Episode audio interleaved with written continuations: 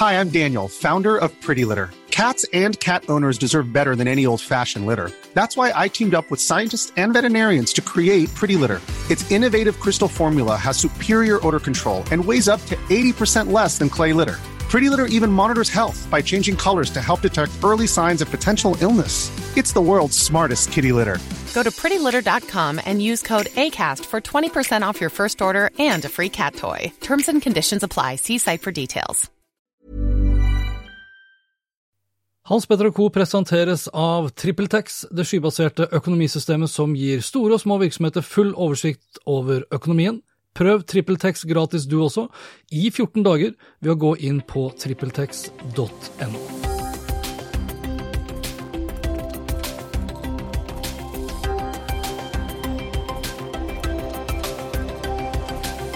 I denne episoden her så får du høre annet mer om at Innovasjon Norge-direktør synes digitalisering er komisk.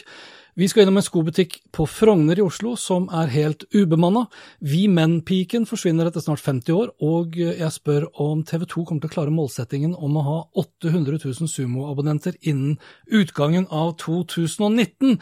Velkommen til Hans Petter og co. Jeg heter Hans Petter, og denne episoden ble spilt inn onsdag 27.11. Lenker til alt jeg har snakket om og øvrige innslag finner du som alltid på hanspetter.info.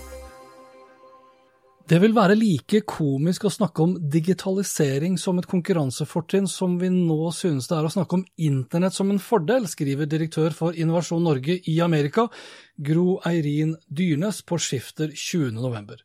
Gro Eirin bor i Silicon Valley og synes nordmenns yndlingsord digitalisering er helt off og at vi snart også kommer til å begynne å le av det. At begrepet i seg selv har blitt komisk.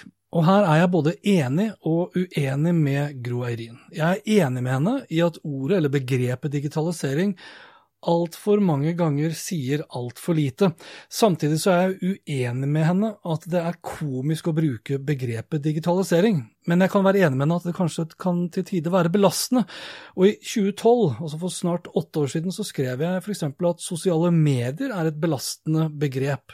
At sosiale medier ikke handler om Facebook-kampanjer og om rosabloggere, men om å ta i bruk verktøy som kan bidra til å gjøre virksomheter mer lønnsomme og konkurransedyktige.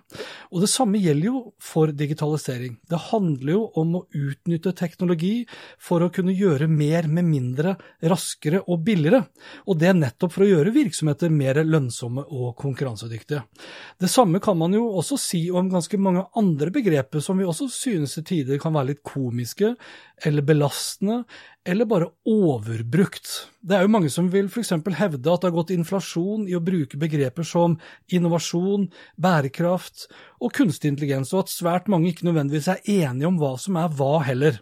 Og når Amerikadirektøren for Innovasjon Norge, som tross alt er et statlig norsk selskap underlagt de norske fylkeskommunene, synes begrepet digitalisering er komisk, så peker hun på mange måter også nese til Nikolai Astrup, som tross alt er Norges digitaliseringsminister. Så hva burde ministerposten egentlig hete? Bærekraftsminister, teknologiminister, lønnsomhetsminister, effektivitetsminister eller konkurransekraftminister? Men fra spøk til alvor, for Guairin peker også på en reell og viktig problemstilling. Det er mange forskjellige oppfattelser av hva digitalisering innebærer og betyr, og det bærer også diskusjonene og medieomtalene i stor grad preg av. Og Det var også derfor at jeg for tre år siden spurte om digitalisering har blitt keiserens nye klær, og bakgrunnen da var at svært mange i reklame- og mediebransjen snakket om digitalisering som om det handlet om å sette opp en blogg eller lage en kul hjemmeside, eller gjennomføre en eller annen form for digital markedsføringskampanje. Og det kan de også gjøre, hvis definisjonen av digitaliseringen står seg, at det handler om å bruke teknologi for å gjøre virksomheten mer lønnsom og konkurransedyktig. På Wikipedia kan vi f.eks. lese at digitalisering brukes om konvertering av analoge data til digitale, men også om innføring av digital teknologi som effektiviserer prosesser og endrer hverdagslivet. I så måte så har jo Gro Eirin rett i sin skiftekommentar, hvor hun blant annet skriver følgende. Sammen med teamet mitt i Silicon Valley jobber jeg daglig med norske teknologiselskaper som forsøker å levere stadig nye og bedre kundeopplevelser og effektivitet ut til sine kunder. De benytter teknologi som et verktøy, teknologi er ikke produktet i seg selv. Her er jeg også helt enig med Gro Eirin. Samtidig så forstår jeg ikke hvorfor det gjør det komisk å kalle det her for et digitaliseringsprosjekt. Derimot så kan jeg forstå at begrepet blir komisk når man påstår at nordmenn er blant de mest digitaliserte i verden, og det fordi alle er på internett og alle har kjøpt seg smarttelefoner.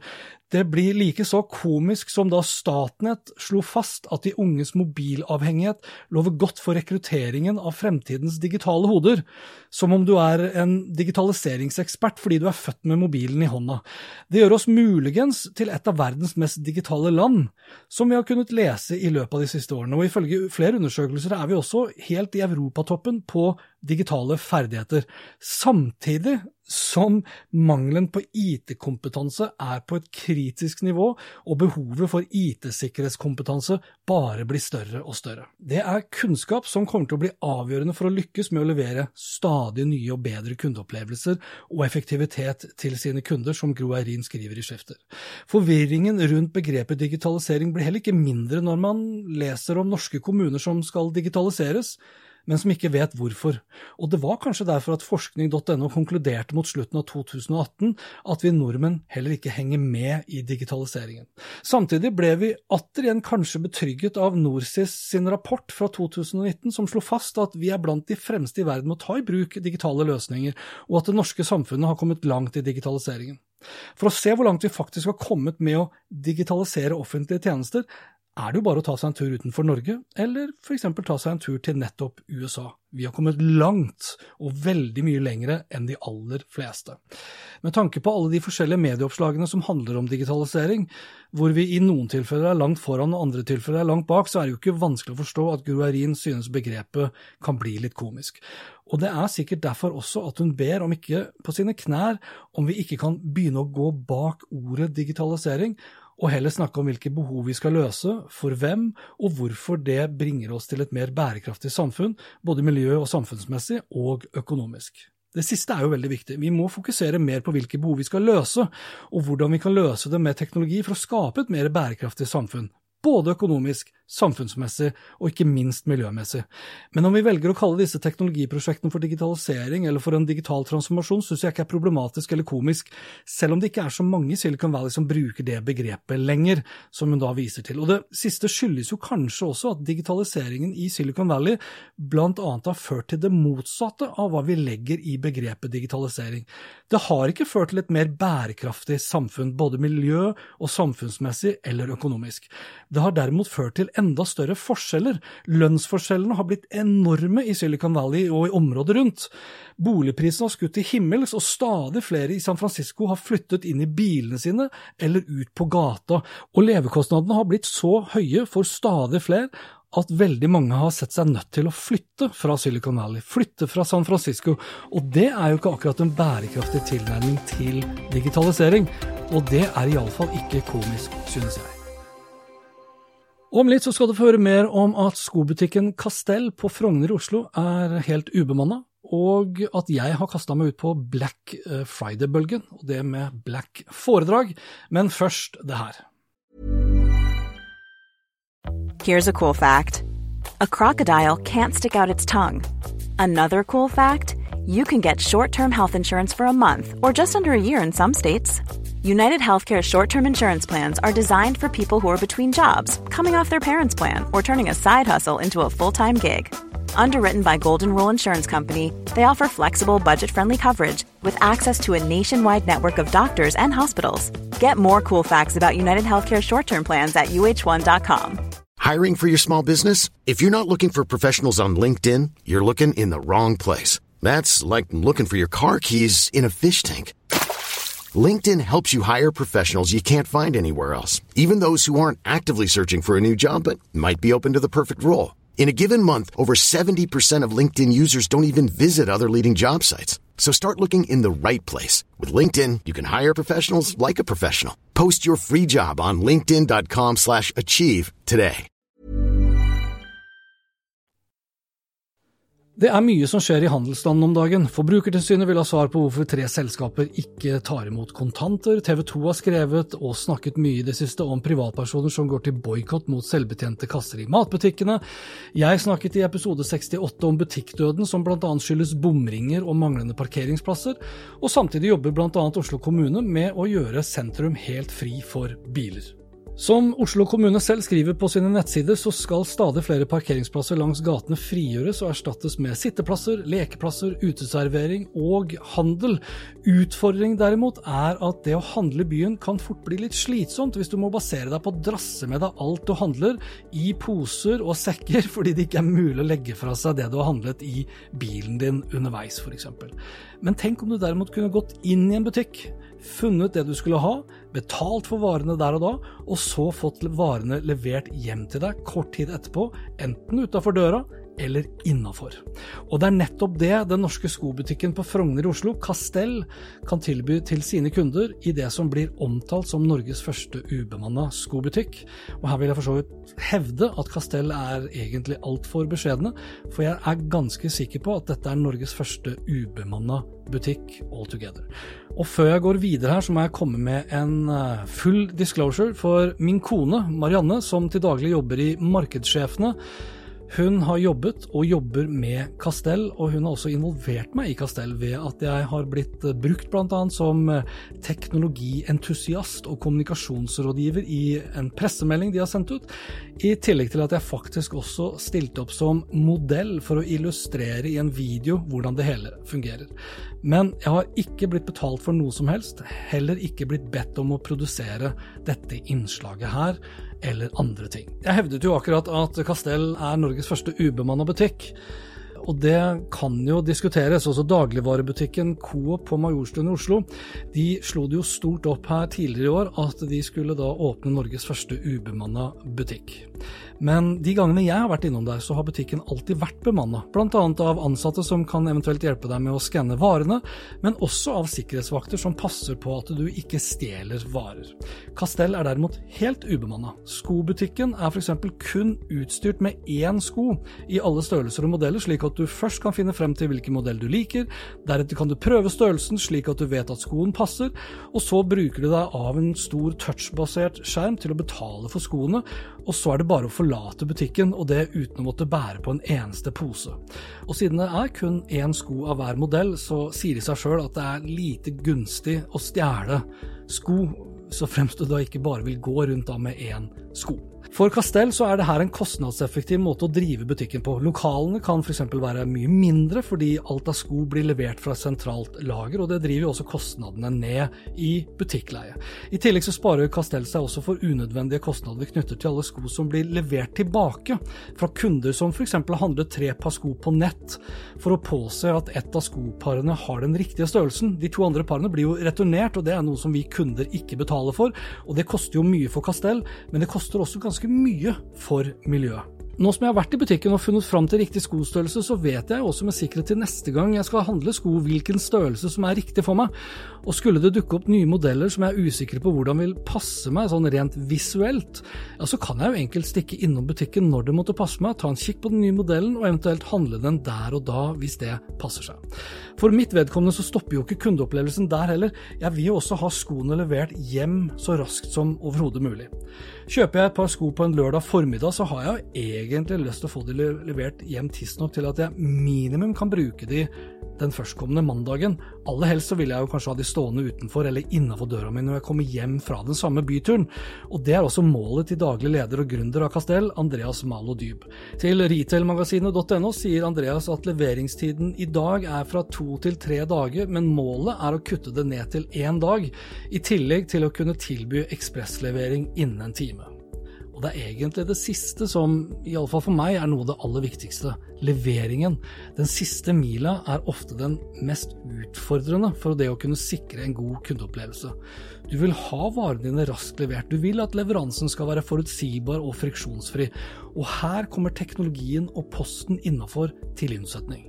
For når du handler hos Castell, om det da er via nettbutikken deres eller når du er fysisk i butikken, så kan du velge nettopp Posten innafor som leveringsalternativ.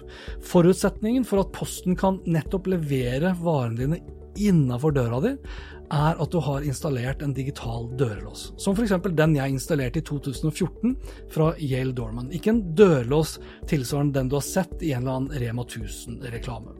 Posten vil da først sjekke om det er noen hjemme, før døren eventuelt åpnes med en midlertidig kode som jeg har delt med Posten via innafor-appen og da vil postmannen, eller postdama, kunne låse opp døra og sette pakken rett innafor. I mitt tilfelle har jeg også installert en Ring Doorbell, en digital ringeklokke som er tilkobla internett, og som er utstyrt med toveismikrofon og et kamera med bevegelsessensorer, slik at jeg også kan kunne se og snakke med postbudet om det skulle bli behov for det. Og I tillegg så vil jeg uansett ha et videoopptak av hele hendelsen, som så blir lagret i skyen for ekstra sikkerhet. Ifølge Posten så har nesten én av fem husstander i dag installert en digital kodelås, og ytterligere 40% av Norges befolkning har planer om å få det installert i løpet av den nærmeste tid. For meg så er det her en helt genial måte å handle på, og en helt genial måte å få det levert hjem på. Og Derfor håper jeg at det her ikke blir det eneste eksempelet vi kommer til å se og oppleve i 2020. Et bilfritt sentrum vil gjerne føre til at vi som kunder heller kjører til de store kjøpesentrene for å handle de store pakkene. Og høye leiepriser vil samtidig også tvinge butikkene til å måtte tenke nytt. Ubemanna butikker, sentrale lagre og ekspresslevering med innafor-muligheter for de som har digitale dørlåser, kan kanskje bli noe av redningen for mange. I tillegg så vil reduserte returer også bli en økonomisk og miljømessig gevinst. Castell har ikke bare skapt en friksjonsfri kundeopplevelse, men også et glimrende eksempel på hvordan butikkene kan bli mer bærekraftige takket være innovative løsninger fra Posten kombinert med innovative teknologiske løsninger som da kommer i form av digitale låser og ringeklokker. Det enkle er ofte det beste, sier Rema 1000, mens de latterliggjør nettopp smarthusteknologien.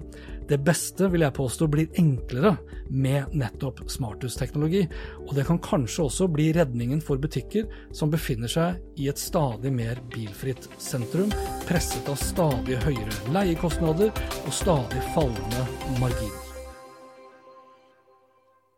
Jeg tenkte vi skulle holde oss litt innafor butikkhandelen, hvis du vil, og denne uken her så er det som kjent Black Friday, Black Week og Black Month, eller kanskje det som enkelte heller vil omtale det som, et kappløp til bunn. Tilbudene renner jo inn i e-posten min, og de fleste reklamene på lineær TV pusher enorme rabatter på oss. Halvparten er visstnok falske rabatter, hvor førprisene er manipulert for at rabatten igjen skal virke større. Akkurat det skal ikke jeg bevege meg ut på her nå, og ikke har jeg heller kasta meg spesielt ut på Black Friday-bølgen enn så lenge, men jeg fikk lyst til å teste noe annet. Jeg fikk rett og slett lyst til å teste ut om det gikk an å tilby rabatterte foredrag eller konferansieroppdrag på samme måte. Ikke da Black Friday, men Black foredrag. Og mandag morgen 25. november så la jeg ut Black foredrag-tilbudet mitt, hvor jeg tilbyr da 50% rabatt hvis du booker meg som foredragsholder eller konferansier i løpet av november og da for et oppdrag som skal gjennomføres i løpet av desember i år eller januar-februar til neste år. Og frem til lørdag 30. november 23.59 så kan du altså booke meg da til halve prisen. Og det her er altså ingen spøk, selv om jeg tviler på at jeg kommer til å konvertere det her til så veldig mange foredrag. Eh, så vi får jo se da om det blir med dette ene Black foredrag-forsøket, eller om jeg kommer tilbake og gjør det samme til neste år. Går du inn på hanspetter.info slash foredrag, så kan du også lese litt mer, og for så vidt også sende meg da en henvendelse. Planning for your next trip? Elevate your travel style with Quince. Quince has all the jet-setting essentials you'll want for your next getaway, like European linen, premium luggage options, buttery soft Italian leather bags, and so much more. And it's all priced at 50 to 80% less than similar brands. Plus, Quince only works with factories that use safe and ethical manufacturing practices. Pack your bags with high-quality essentials you'll be wearing for vacations to come with Quince. Go to quince.com slash trip for free shipping and 365-day returns. My business used to be weighed down by the complexities of in-person payments. Then, Tap to Pay on iPhone and Stripe came along and changed everything. With Tap to Pay on iPhone and Stripe, I streamlined my payment process effortlessly. Now I can accept in person, contactless payments right from my iPhone. No extra hardware required. What's truly remarkable is how I can cater to all of my customers' payment preferences. Whether they're using cards, Apple Pay, or other digital wallets, Tap to Pay on iPhone and Stripe ensure a smooth checkout experience every time. And it's not just me. Stripe helps businesses of all sizes, from local markets to global retailers, scale quickly and stay agile. To learn how Tap to Pay on iPhone and Stripe can help grow your revenue and reach, visit stripe.com Jeg runder av denne episoden med noen kortere overskrifter, og jeg begynner med Google Stadia, altså Google sin online streamingtjeneste for spill. One place that never stops evolving. Where everyone will play. Where did he come from? And watch. Yes! High five! Strike! Bam! And create. Winner! Woo! Nice! From any screen, at any.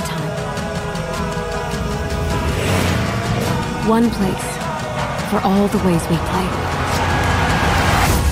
This is Stadia. Gather out. Så langt så har Google Stadia fått ganske så blanda tilbakemeldinger. Av mange så har Google Stadia blitt omtalt som en slags Netflix for gaming, men det er det ikke, og det vil du snart forstå hvorfor det ikke er. Men la oss begynne med det første først. For skal du da spille eh, disse spillene online, som da blir streamet fra Google sine servere, så må du først ut med 1300 kroner. Da får du tilsendt en eh, Stadia-kontroller samt en Google Chromecast Ultra, slik at du kan streame spillene over til din TV. Og I tillegg så følger det da med tre måneders tilgang til Stadia Pro. Etter endt tremånedersperiode så må du da ut med 99 kroner i måneden for tilgang. Og selv om noen av spillene til Google Stadia er gratis å spille, dvs. Si de følger med da i abonnementet, så må du altså da betale for de fleste. Og når jeg sier de fleste, så er det da per dags dato kun 22 spill tilgjengelig. Så for tilgangen til Stadia Pro det første året, så må du altså ut da med ca. 2200 kroner. I tillegg så kommer jo prisen på de spillene du da vil spille, og prisen her ligger et sted mellom 300 til 500 kroner, så det kan jo fort bli ganske så mye dyrere enn det du kanskje først trodde, og ganske tett oppimot kanskje det det koster deg med en god PlayStation 4 eller 5 eller en Xbox. Og for å få det her til å fungere, så må jo hastigheten på nettet være ganske god. Minimum så krever Google Stadia 10 megabit per sekund ned og 1 megabit per sekund opp. For det er ganske viktig å være klar over at her går jo trafikk opp.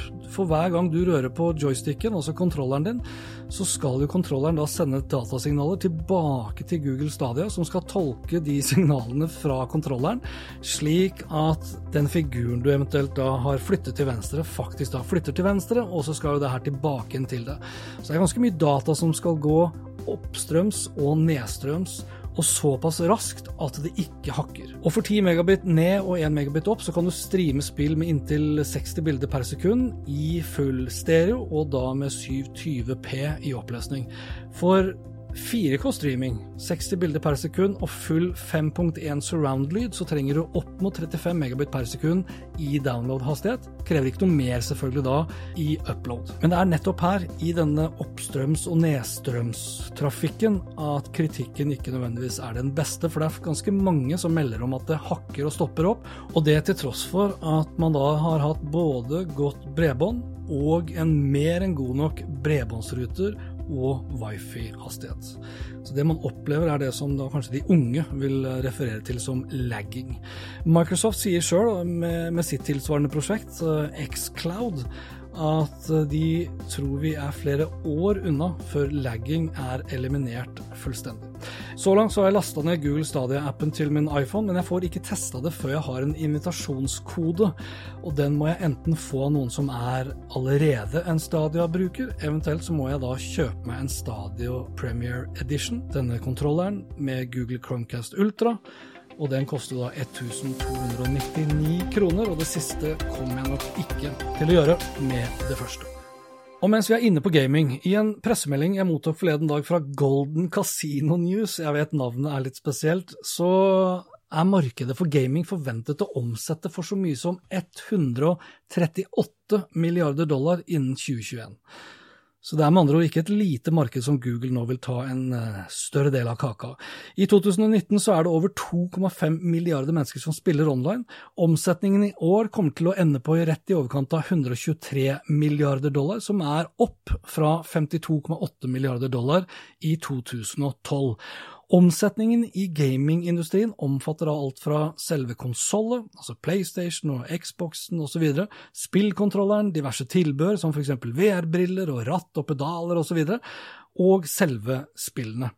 Verdens største aktør i dette markedet kommer nok en gang fra Kina, og det er kanskje en liten overraskelse for mange.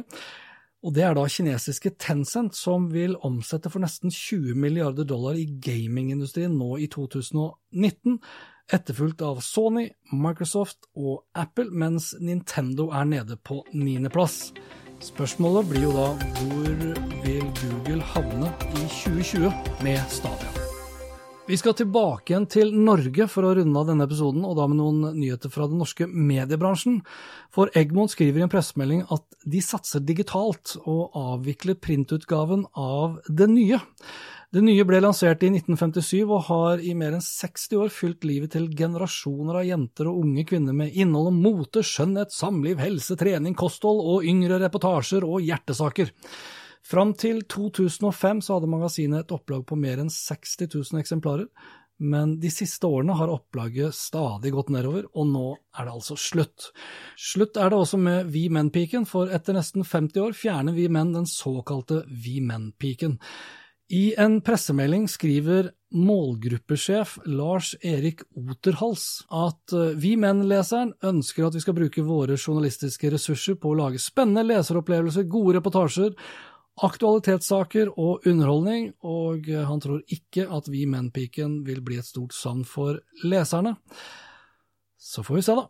E24, som for øvrig byttet navn her om dagen til E24, Norges viktigste næringslivsavis AS, satser også på podkast. Nå søkes det etter en journalist, skråstrek prosjektleder for lyd og video, og det stopper ikke der, for søsteren til E24, eller kanskje storebroren, alt ettersom hvordan du ser på det, Aftenposten altså, utlyste nylig to hele faste stillinger til den populære og til tider omstridte nyhetspodkasten Forklart. De er på jakt etter en programleder og en episodeprodusent, og det kommer kort tid etter at eh, Aftenpostens gamle træver når det kommer til podkast, Aftenpodden, kunne fortelle at Lars Glomnes, som er en av programlederne, nå skal fremover jobbe fulltid som podkaster. Kampanjen skriver 26.11 om norske TV-produksjonsselskaper som taper penger, selv om omsetningen er på rekordhøye 1,5 milliarder kroner. Åse Kringstad, som er leder av Virke produsentforening, mener det ikke er bærekraftig å holde liv i samtlige selskaper i bransjen over tid, med den økonomien man ser i dag. Og hvordan den økonomien kommer til å utvikle seg fremover, kommer til å bli ganske så spennende å følge. For det er jo lite som tyder på at konkurransen med utenlandske strømaktører kommer til å bli mindre, ei heller at strømming som sådan ikke vil fortsette å ta stadig mer av den totale TV-seingen. I USA, som vi gjerne liker å se til, så passerte strømming tradisjonell TV-seing, eller lineær TV-seing, som den mest populære måten å se favorittseriene deres på allerede i 2017. Og for under seks år siden, i 2014, så så 45% av amerikanerne deres favorittprogrammer lineært. I 2019 har den andelen falt ned til 23% mens andelen som ser favorittprogrammet sitt på Netflix, har gått fra 14 til 34% seks år senere. Og andelen som ser favorittprogrammene via internett, altså i form av en eller annen online-tjeneste, har gått fra 31% i 2014 til 63% i 2019. Og nå som vi snart er på vei inn i et nytt tiår, så skal det jo bli interessant bl.a. å høre mer om hvordan det har gått f.eks. med 2020-strategien til TV 2. For i 2017 uttalte sumosjefen Christian Birkeland til Dagens Næringsliv at de skulle vokse antall sumoabonnenter fra 300 til rundt 800 000 innen 2020. I oktober 2018, for litt over ett år siden, så kunne vi lese på Medie24 at de hadde runda 400 000 abonnenter. Men derifra til å nå da 800 000 innen utgangen av 2019, altså inngangen til 2020, så må de ha skaffet nærmere 29 000 nye abonnenter hver måned, eller nesten 1000 nye abonnenter hver dag. TV 2 kunne jo for øvrig melde om stor abonnementsvekst i januar i år, etter at Ole Gunnar Solskjær ble Manchester United-sjef. Samme dag som Solskjær debuterte, så solgte Sumo 5000 nye abonnenter. Og utover antall abonnement så skal det bli interessant også å se når TV 2 kommer med et skikkelig programmatisk annonsetilbud på Sumo. Mer personalisert reklame byr meg ikke imot i det hele tatt, spesielt når den reklamen jeg ser på TV 2 Sumo i de tilfeller jeg ser på TV 2 live. Og det er jo strengt talt ikke helt nødvendig. Men uh, helt nødvendig er det iallfall å runde av for denne gang. Likte du det du hørte og vil forsikre deg om at du får med deg de neste episode, da kan du bl.a. abonnere på Hans Petter Co. på Apple Podcaster. Ellers er podkasten også tilgjengelig på Acast, Spotify, Google Podcast, Overcast og Tuning Radio. Inntil neste gang, vær nysgjerrig, for det er den beste måten å møte vår digitale fremtid på. Hans Petter Co. presenteres av TrippelTex, det skybaserte økonomisystemet som gir store og små virksomheter full oversikt over økonomien. Prøv TrippelTex gratis du også, i 14 dager, ved å gå inn på trippeltex.no.